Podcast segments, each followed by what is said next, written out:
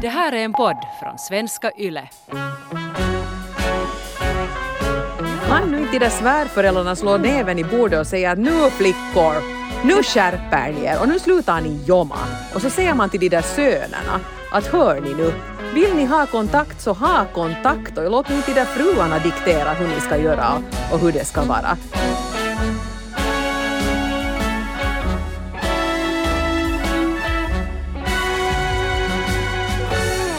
I relationspodden Norren av Frans den här veckan så ska vi prata om eh, familjebråk och släktfejder.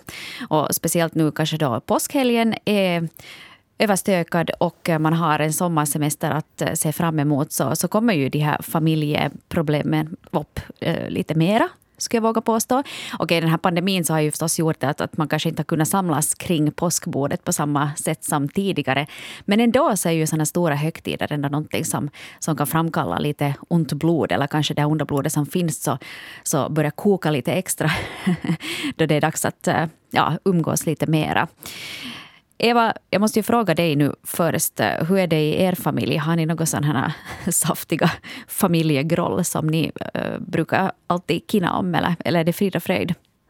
Just nu har vi ju en ganska bekväm situation i det att vi är hemskt få, vi är en väldigt liten släkt så att nej, jag skulle säga att just nu så är det inte att det skulle finnas några stora dispyter som, som pyr under ytan någonstans men, men nu har det ju funnits lite, lite ett och annat också hos oss som, som vi skulle kunna återkomma till här nu så mycket som man nu täcks hänga ut sin, sin släkt här. Du och jag Hanna får ju inte vara anonyma, det får de som skriver till oss vara men, men vi kan inte riktigt vara. Om vi inte skriver i de där formulären själva också och så läser upp dem med sådär cool och neutral stämma.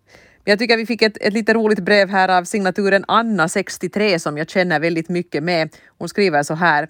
Jag blir tokig på män och ibland också på kvinnor som sitter som bildstoder med benen rakt ut som man nästan snubblar och så väntar de på uppassning. Först ska jag då handla, laga mat, duka och sen är också disken min förstås. Ingen erbjuder sig att hjälpa till.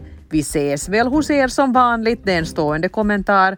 Så faktiskt, jag tycker den här pandemin i detta fall har varit ganska skön.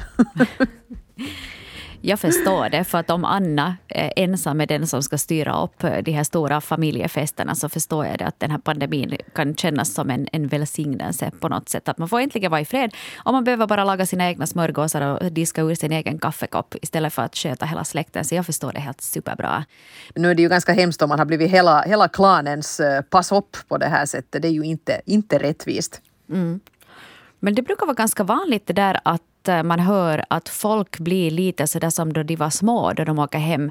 Till exempel till mamma och pappa att de bara liksom börjar eh, förvänta sig att bli uppassade. Så att det är kanske det att de här familjerollerna sitter kvar så jättestarkt. Och sen när man kanske har varit en sån där pysslig typ som tycker om att göra ostkakor och baka gratänger så, så då kanske det blir att Nej, men hon är ju så bra på det, den här Anna, att hon får ju sköta det medan man inte själv riktigt orkar göra någonting. Eh, sen är det också förstås lite besvärligt det här med att om man har eh, familj på besök. Pedanten 35 skrev också in om det här. Skrev skrev så här att, att jag orkar inte riktigt med min familj och jag har dåligt samvete för det. Eh, vi är väldigt olika och själv så tycker jag att min familj inte riktigt förstår och respekterar mig. De klampar in och beter sig som om de var hemma. De går och känner på saker, öppnar skåp, går omkring och äter och roddar helt enkelt. Och för mig som pedant och kontrollfreak så går det här inte. Jag blir så sårad över att jag som värdinna inte blir respekterad i mitt eget hem. Och ofta undrar jag vem som det egentligen är som har fel. Oj, det där är också nog en jobbig situation. Det är ju liksom nu pedanten har blivit vuxen och har ett eget hem och kanske familjen då fortsätter att bete sig som när de kanske delar rum eller någons skrubb var i den andras rum och man liksom vandrar in och ut och, och kanske inte respekterar varandras gränser och revir på samma sätt. Men vad ska man göra i en sån här, jag menar, jag tror både Anna och pedanten här jag skulle bara vilja, vilja att de skulle få en chans att, att säga ifrån och, och att de här andra skulle respektera, men respektera hur de vill ha det. Men risken är ju nog stor att folk blir sådär att oj vad hon nu var sur då. Ja, just så. Mm. Men det är ju jätteorättvist det där också. Ja. Eh, Att man, för jag tycker nog ändå att åtminstone jag har fått lära mig att, eh, vet du som de säger på finska, att massa maan tavalla. Och att om du åker hem till någon så då är det dens regler som gäller. Och det tycker jag försöker tuta i mina egna barn också. Att om en, en familj, om du åker hem till kompisar så du gör så som de säger och gör där. Och så är det så att man eh, tycker jag behöver respektera det. Att om du är någon annans hem så då är det deras eh, principer som gäller. Ja, och, och kan man faktiskt inte, vill man umgås med sin familj men tycker att de lever rövare när man bjuder hem dem får man väl kanske börja ta initiativ till att ska vi ses på restaurang? Sånt kan man ju kanske göra igen i, i framtiden. Ska vi göra någonting annat? Ska vi, ska vi ses på något annat sätt? Att de inte kommer hem och börjar liksom stomla runt i en skåp för det förstår jag ju att det är helt, helt knäppt. Ja, men det får du ju inte gå och göra fast hur mycket du än skulle vilja så kan du inte gå och gräva i någon annans skåp. Men, men där tror jag nog också, jag tycker att vi alla behöver ta vårt ansvar också att om vi åker hem på besök. Nå, till exempel, mina föräldrar bor ju i Vasa och uh, nu har det inte varit så mycket av det. Vi var där på påsken faktiskt, jag och mina barn. Mina föräldrar är vaccinerade. Så vi var där då. Men jag tycker annars också då även min bror och hans tre barn kommer då susande i sin bil dit. Så då är vi ändå tio personer och det är en ganska stor ruljans att eh, få hela den här matrumban att funka för tio pers. Men där tycker jag att vi har haft det ganska bra att vi liksom turas om att om du har dukat så ställer jag undan och jag kan skala potatisen och du gör det här och du far ut med hunden och du tar barnen. Att, det, att jag tycker att man också behöver liksom ta sitt eget ansvar som gäst. Att inte bara ställa den där en gång den här ja, kan jag hjälpa till med någonting och får du ett nej så tar du det som tillstånd att ligga på soffan då i fyra dagar. Att, att, jag tycker nog att man liksom behöver bara, bara ta lite ansvar själv också fast, fast tömma den där diskmaskinen utan att man ens behöver, någon behöver fråga. Exakt, och i den där situationen så är ju den naturliga repliken för den här stoiska föräldern Nej, nej, jag klarar mig nog. Och då ska man hänga på och säga men på riktigt kan jag nu inte ens skala potatis. Nå, om du nu skulle orka. Man måste lite hålla på och lirka där. Ja, Faktiskt bara lägga sig pladask och fundera att om jag skulle spela lite Candy Crush här nu medan maten lagar sig själv. ja, att jag kan ta några praliner medan jag väntar. Ja. Nej, men det här var ju ändå mm, ganska, no, ganska, ganska lindriga eh, former av, av släktgroll som, som de här första brevskrivarna tog upp här då. Lite respektlöshet och, och sån, sånt här. Jobbigt att tas med, men kanske inte så dramatiskt som, som vissa andra har kunnat vittna om här. Vi har till exempel signaturen Trött29 som har en hel lista för att i den här släkten tycks nu rikt, inte riktigt någon kunna bete sig.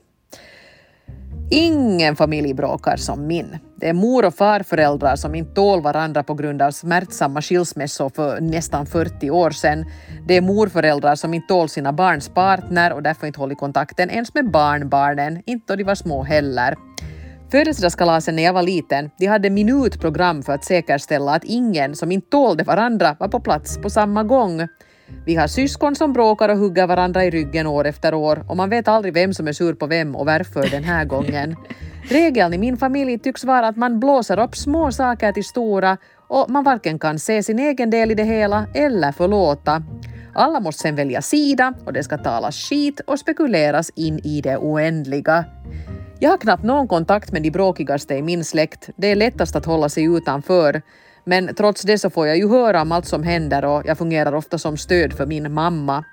Jag tycker att det är helt ofattbart att vuxna människor år efter år orkar hålla på, dra upp gamla saker istället för att gå vidare. Signaturen Trött 29. Jag blev ju också riktigt trött av att läsa det här måste jag säga. Jag, jag, var- jag har ju helt utmattad redan bara av att, att höra eh, det här. Och, och det verkar ju verkligen som att det här är en, en dysfunktionell familj och en släkt på alla sätt. Och det kanske blir så där att, att om vi har då de här 40 år gamla skilsmässorna, att om vi börjar där och sen liksom öka på alla uh, oförrätter som man kanske har upplevt under årens lopp, så det är klart att det blir till en enda stor myrstack av problem. Och, och jag, jag vet inte ens var man skulle börja med att reda upp någonting sånt här. Kanske, man, kanske det är bättre bara att, att fly istället för att fäkta i en sån här situation. Ja, och jag börjar fundera också att man, man har ju den där schablonbilden av familjesammankomsten och det är lite sådär Carl Larsson julafton eller så är det amerikanska filmer när de firar, firar Thanksgiving och sitter vid ett långbord och någon skär en kalkon och alla är rosenkindade och lyckliga. Måste vi bara liksom släppa taget om en sån bild av familjesammankomsten och bara tänka att att kanske det bara är trevligare om vi träffas i små portioner. Mm. och jag tycker det är ju, ja, för ja, något minutschema på barnkalaset, det är nu en metod, men nu är det nu samtidigt lite, ja, det, är nog, det är nog inte barnen som är barnsligast där då. Jag menar i, i min släkt, här, folk har skilt sig här också och nu är det ju så att man kanske inte är hjärtevän med sitt ex men alla har nog åtminstone kunnat i något skede börja vistas under samma tak och cocktailprata lite med den man var gift med någon gång och som kanske sårade en och, och hjärtan krossade sådär. Men, men man kan åtminstone att ja, nu, nu fyller lillplutten här fyra år. Nu ska vi fota lite när han blåser ut ljusen på kakan och bete oss mm. i två timmar. Sen kan vi gå hem och vara bittra igen. Jag tycker inte det är för mycket begärt. Nej, Nej, verkligen inte. Jag håller, jag håller helt med dig. Och det där. Men om du känner igen dig att du är en sån här som alltid håller, ställer till med bråk eller du kanske tar upp gammalt groll hela tiden. Så vad om du skulle försöka bara att börja nynna på den där, den där ledmotivet från Frost-filmen. Let it go, let it go. att man kanske bara ja. vet du, försöker ta, ta mm, en, en, eller sköta det snyggt på något vis. Lite som Michelle Obama sa, when they go low, we go high. Mm. Det är bra. Och jag menar, är det ett barnkalas och du stämmer upp i Let it go så, så kommer du att få barnen med dig och, och det blir en, en moment. Ja. Tänk vad fint. Ja. Och sen är det jag som är släktens hjälte, åtminstone bland de små. Oj. Testa det nästa gång det mm. blir frostigt på barnkalaset. Där har vi ett konkret tips. Uh, no, det är ganska många av er som har skrivit in här att det har blivit så jobbigt med släkten att ni helt enkelt har fått ja, sluta umgås fast ni kanske inte ens har varit de som har varit sådär i, i stridens hetta så har ni liksom helt enkelt fått skippa umgänge med en del släktingar. Men här var också en brevskrivare som, som skrev till oss att, att uh, hen saknar sin släkt. Ja, här har vi eh, signaturen Vi versus släkten 22 som har skrivit så här. Jag bor inte hemma längre, så när släktgrälet började så var jag inte ens med. Ena stunden så var vi en tjock och glad släkt och sen så fick jag höra att nu är vi minsann inte på god fot med den släkten längre. Det känns konstigt att ha hamnat utanför det hela. De säger att jag ska vara glad för att jag inte är inblandad, men jag känner ingenting för det här löjliga grälet. Jag vill ju bara att allt ska återgå till det normala så att jag får träffa min släkt som jag älskar så mycket. Och jag sörjer verkligen den brutna kontakten. Så skriver alltså en ledsen 22-åring som knappast ens uh, var född var inte mer än en glimt i sin fars öga på den tiden då det här släktbråket började. Ja, och, och jag måste säga att här, här känner jag lite grann igen mig. Eh, för att mina släktingar, kanske framför allt den generation som inte, inte riktigt finns mera, ska nu inte hänga ut någon där, men, men det fanns kanske hos en del personer där en viss tendens till drama. Och lite som den här tidigare brevskrivaren här, att små saker gjordes till stora saker och det skulle liksom smällas ner i telefonlurar och, och, det, blev liksom, det blev ibland ganska mycket dramatik kring saker som jag som barn nog inte överhuvudtaget förstod. Att vad är, va? Att, va, va, varför är ni grälar ni om någonting sånt? Mm. Uh, och kanske jag inte ens som vuxen riktigt skulle ha förstått. Men i alla fall, stora personligheter, häftigt temperament och så här. Så att det var kanske lite rent av normalläge när jag var liten att det ibland alltid var sådana släktingar som man inte hörde av sig till på några månader. Att det liksom var sån här tystnad däremellan. Och sen mitt i allt blev folk sams och så var vi igen ganska många på, på släktkalasen. Mm. Och alla var glada. Och jag tror det var kanske att det är så här släkter fungerar. att man, man ibland inte pratar med en del och sen ibland pratar man. Mm. och det liksom är till och från och fram och tillbaka. Men inte är det ju riktigt sunt inte. Och jag är nog tacksam över att så här har vi nu kanske inte ändå haft det på, på sistone. Ja, och så tar det ju jättemycket energi också. Det där med att vara gräland med någon. Så, så, det gör det ju. Så jag vet inte. Det är svårt att släppa. Mm. Och sen kan det ju vara förstås också att, att det är inte bara i kärleksrelationer som man kör med den här klassiska myckakoulun. Det vill säga att man tiger ihjäl problemet eller att man straffar den andra med att inte säga någonting överhuvudtaget. Utan uppenbarligen så är det här en metod också som utövas väldigt aktivt i de finlandssvenska släkterna. Ja, det verkar så. Mm. Det verkar så. Men jag tycker det här är ju så tråkigt också för jag menar den här 22-åringen som nu skriver här till oss. Kan, kan man tänka sig, jag vet inte om det här är något som alls går att tillämpa i det här fallet, men kan man bara också tänka sig att, att nu struntar jag i ert dumma gräl och nu ringer jag till mommo för jag har ledsamt efter mommo. Mm. Och så börjar man bara umgås. Så att det här är inget svek, jag går inte bakom ryggen på någon här nu för jag vill umgås med alla de här och det tänker jag göra också. Ja. Tjafsa på nu ni om ni tycker att det är värt det men att blanda inte in mig. Ja, att man kan skapa sin egen relation till de släktingar som man ändå älskar och saknar, Ja. som den här skriver. Mm. Och kanske man sen har umgåtts med den där, den där släktingen som någon annan är i luven på och så vill den där eh, någon prata liksom bakom ryggen på någon och vad sa hon nu sen då när ni träffades? Så Ja. ser man bara att nej det tänker jag inte, ja, nej, att jag tänker inte baktala någon här. Att jag tänker stanna utanför det här. Jag tvår mina händer för att ta till en sån här lite försenad påskreferens. Uh, då man umgås med släkten, ifall det nu är så att man, kanske då kan, kan träffas lite nu och då, så då märker man ju av också eh, ens släktingars egenheter. Speciellt om man umgås lite längre som under en högtid eller kanske under, under sommarsemestern. Och eh, det här så har signaturen Tryckkokaren 45 skrivit in om. Tidigare släktfejder har varit förfärligt långa med tysta leken istället för kommunikation i åratal. Numera så försöker jag stoppa grollen i tid, men nu har faktiskt en släkting börjat sprida desinformation och konspirationer och det här blir bara värre och värre. Det är pandemiförnekelse, det är Bill Gates, det är 5G, det är vaccinationsskräck och antisemitism om vartannat. Och det är jättejobbigt att se hur den här personen glider allt längre bort från verkligheten. Jag blir inte bara irriterad utan också orolig för henne.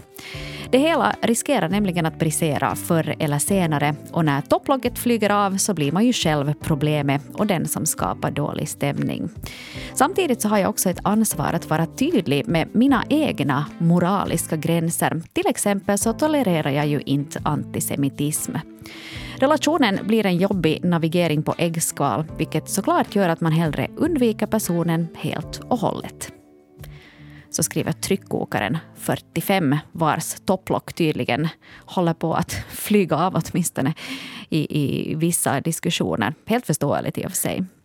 Eh, jag, jag är rädd att det är ganska många som kan relatera till det här för jag tror att det kanske i ganska många släkter finns en sådan här. Alltså den som kanske i värsta fall är fullblodsrasist och sexist eller sen en kanske lite lindrigare variant, en som tycker att det är lite kul att sitta och provocera. Lite som att peta med en pinne på den där politiskt korrekta för att det är skojigt sen- sen om det, det blir lite sådär hettar till. Och det här tycker jag är utomordentligt jobbigt. I det här fallet verkar det ju vara snäppet allvarligare. Alltså vår brevskrivare här är ju på riktigt lite orolig för den här släktingen som kanske har ja, faktiskt dragits in i ett mindset som inte låter riktigt sunt. Och då tänker jag att om man då tar upp det här med andra släktingar så tycker jag inte att det är att baktala den här antisemitsläktingen. För jag menar, alla har vi ju våra gränser men jag är ganska klar med att jag kanske inte skulle vilja sitta och höra på lite klämmigt judehat vid påskbordet. Liksom, att säga ifrån då är inte att vara jobbig, det är att vara människa. Mm. Ja, verkligen. Och sen tror jag också att, att man behöver ju kanske sätta gränser. För jag tror att i många familjer och släkter så är det också så där att ja men vet du farbror Hasse han är ju sån där att låt honom vara bara. Eller ja tant, tant, tant Minna att hon är, nu, hon är nu lite jobbig och lite tjafsig och så här. Men vi, vi låter henne hållas och de får vara som de är. Att man kanske till och med också tolererar ett mycket värre beteende hos sina släktingar än vad man skulle göra till exempel hos en kollega eller en kompis. Helt enkelt för att eh, om man lite försvarar varandra så att ja men de är ju bara sådana att vi måste förstå det. Att man kan säga att nej, jag behöver inte förstå det. Som du sa Eva, vi behöver inte ha judehat vid påskbordet. Det behöver vi faktiskt inte ha. Nej, nej. Och sen får man ju helt enkelt börja välja att vilka strider tar man. Jag menar, om nu till exempel en släkting sitter där och säger att ja, jag tycker nog det är hemskt när barn går i dagis för barn borde vara hemma. Så eh, kanske man tar fighten och säger att "Nå, vi ordnar det nu på det här sättet eller säger man let it go, Ja. let it go. Det finns Men ju, åtminstone, ja alla drar sina gränser vad man drar dem. Jag menar sexism, rasism, eh, att vara homofob eller sånt här. Där någonstans går, eller ganska tydligt där går mina gränser, då säger jag ifrån. Men sen är det sånt annat plotter som man kanske nu kan ibland ta med en nypa salt. Men nu känner man sig också ganska skit efteråt om man bara har suttit där och, och funnit sig i det där och låtit den där släktingen hållas. Mm. Och ingenting blir ju bättre av det för vid nästa middag sätter hen väl igång igen. Ja, ja men att man, man kan åtminstone markera. Jag tror inte att du kan förändra någon så där över en, en påskmiddag eller, eller en sommarsemester eller något sånt. Men jag tror att om man i alla fall markerar att det här är inte okej så kanske det börjar vet du, sjunka in ändå i något skede någonstans. Ja. Hey, det finns och i tryckkokarens fall så, så var man ju, fanns det faktiskt till och med lite en oro för att hur mår den här släktingen och då tycker jag nog att snacka nu lite ihop er med varandra där, att det inte alltid är tryckkokaren som ska vara den som förväntas vara den som kommer med liksom förnuftets röst. För det kan hända att de andra släktingarna lite börjar förlita sig på det också.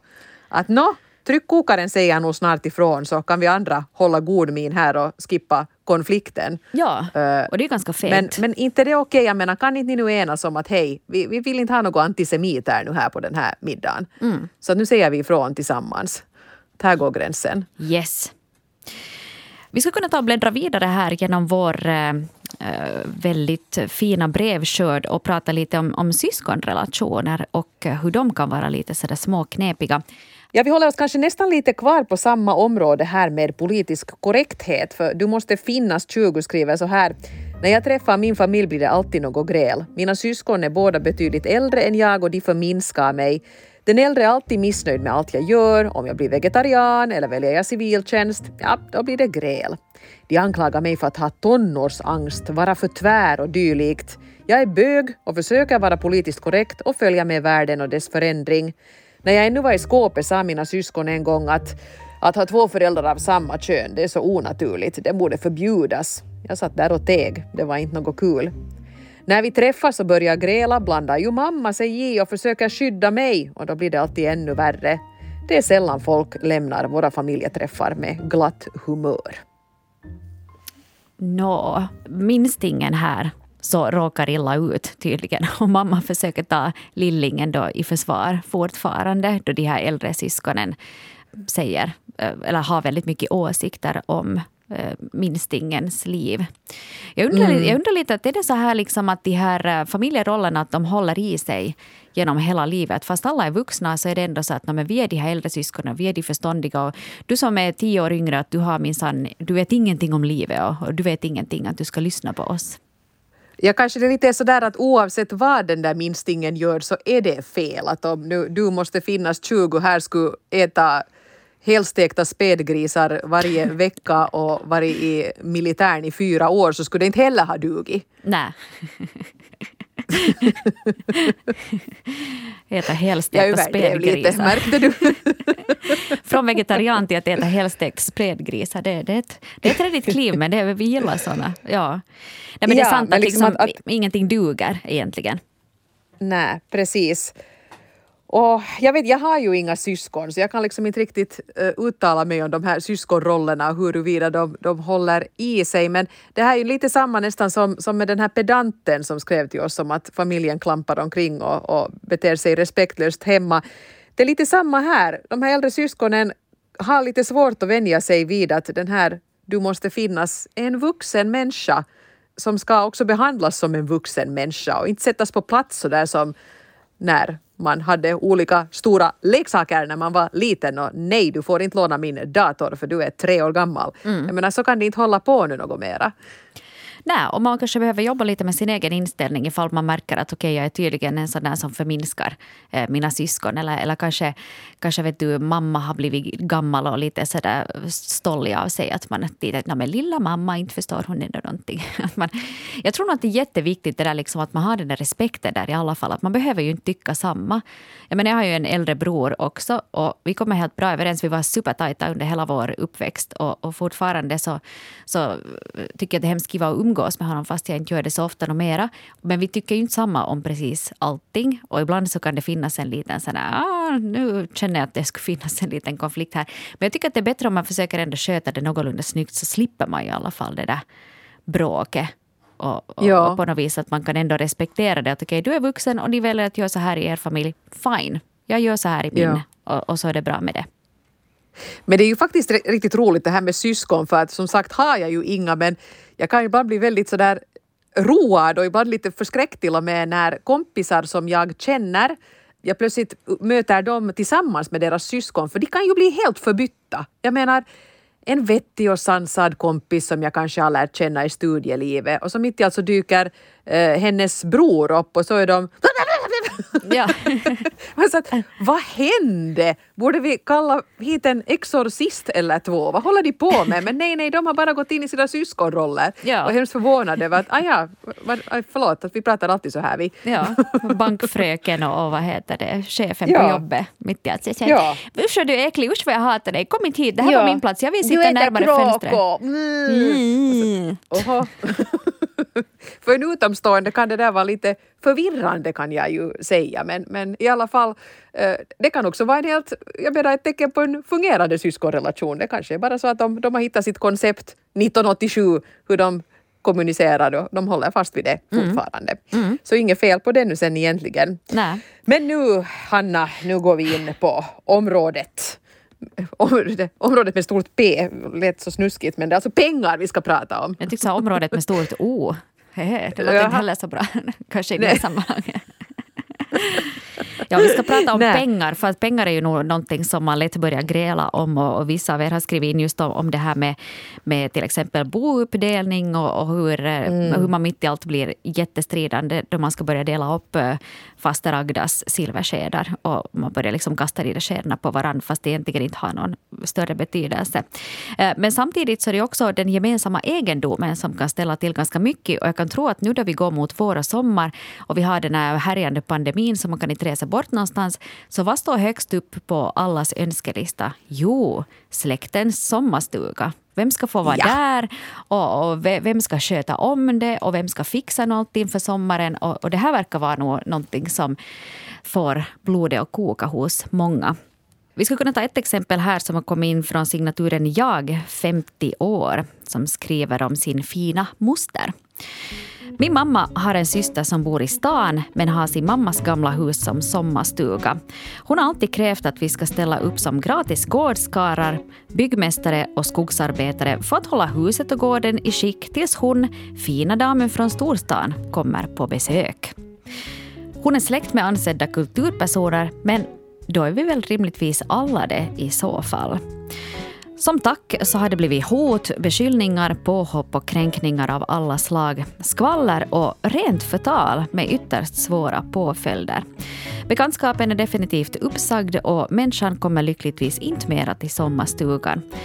Den här fejden har varit av det slaget att blodtrycket stiger till riskabla höjder när man tänker på henne och någon försoning är inte i sikte.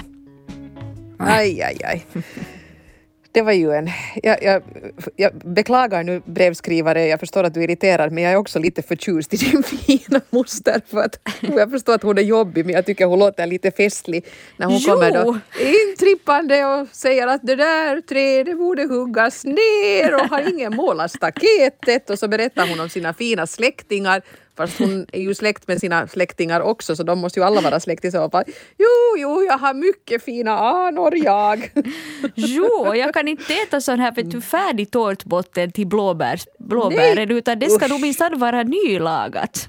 Vad är det här? Är det här en riktig Ellen Svinhuvud eller vad är det här? Usch!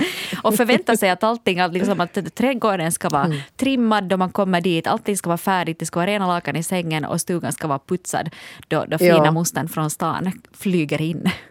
Och det här är ju så beklagligt för att det som det säkert bottnar i här är ju attityd. Säkert skulle ju släkten gärna hjälpa en äldre släkting att hålla sommarstugan i, i skick och sådär.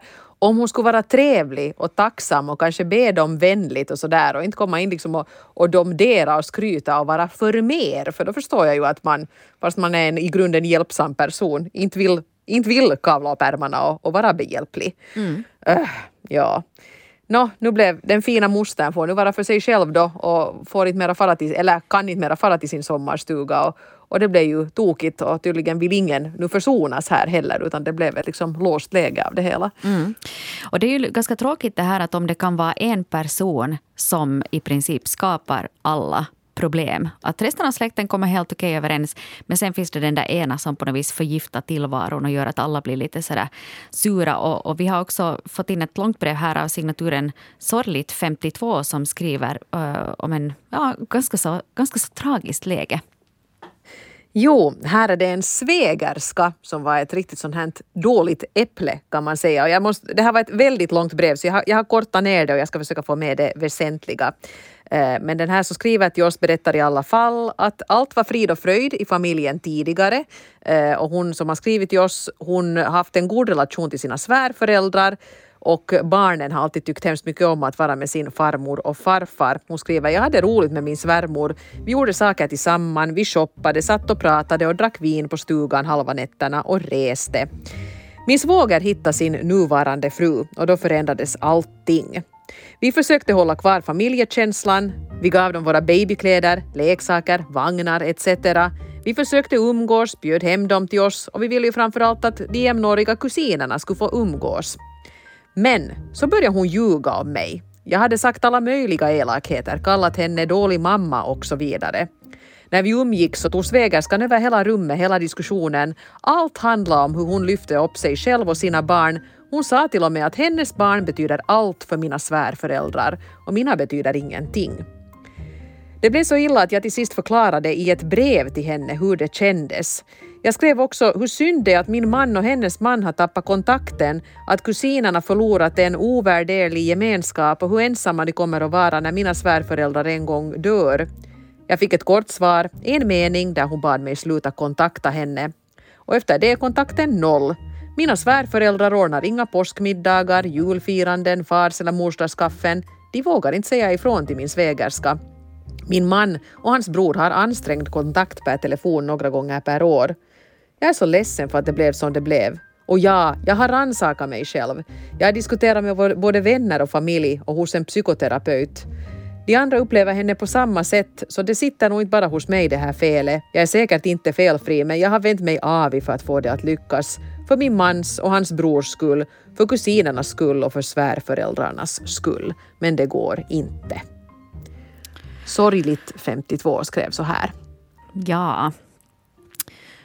Jag tycker den här svägerskan ska kunna få sig no, nej, vi ska, inte, vi ska inte uppmana till våld. Nej, men, men jag menar, det är ju så hemskt det här. Jag menar, det var en fullständigt fungerande och härlig familj tills hon kom in och började ställa till med drama. Hon måste ju ställas till svars, en sån här människa. Och visserligen mm. vår brevskrivare försökte uh, närma sig henne och, och ta upp det här men att tydligen så så funkar det inte. Och det var lite så som min gamla mormor brukar säga, vet du, att kan inte få det vet inte det finns. Det vill säga att man kan inte förvänta sig att det ska finnas vett där det helt enkelt inte finns. Och ibland kanske, kanske det här är just en sån situation att du kan helt enkelt inte vinna med svägerskan från helvete. Mm. Ja, jag har lite avvikande åsikt här. För jag tycker att det här, för det första så, även om, om vår brevskrivare här skriver att hon har försökt se sin egen del i det hela och har rannsakat sig själv och jag, jag misstror inte på något sätt nu det. Men vi får ju förstås bara ena versionen av den här storyn här. Vi vet inte riktigt hur svägerskan skulle se på det. Och det jag tycker att det är så olyckligt här är att det har ju blivit någon sorts sån här finlandssvensk variant av engelska kungahuset man liksom blåser upp den här kampen mellan Meghan Markle och Lady Catherine.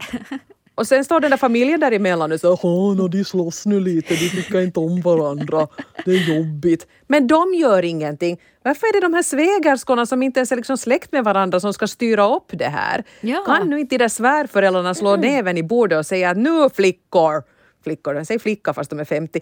Ja.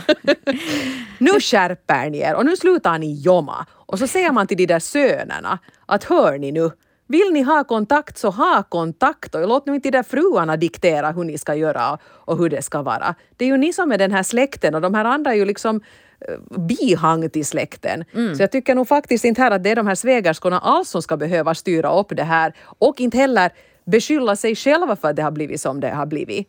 Utan här det, där, det är en ryggradslös släkt de har att göra med och det är inte bara de här kvinnornas fel. Ugg!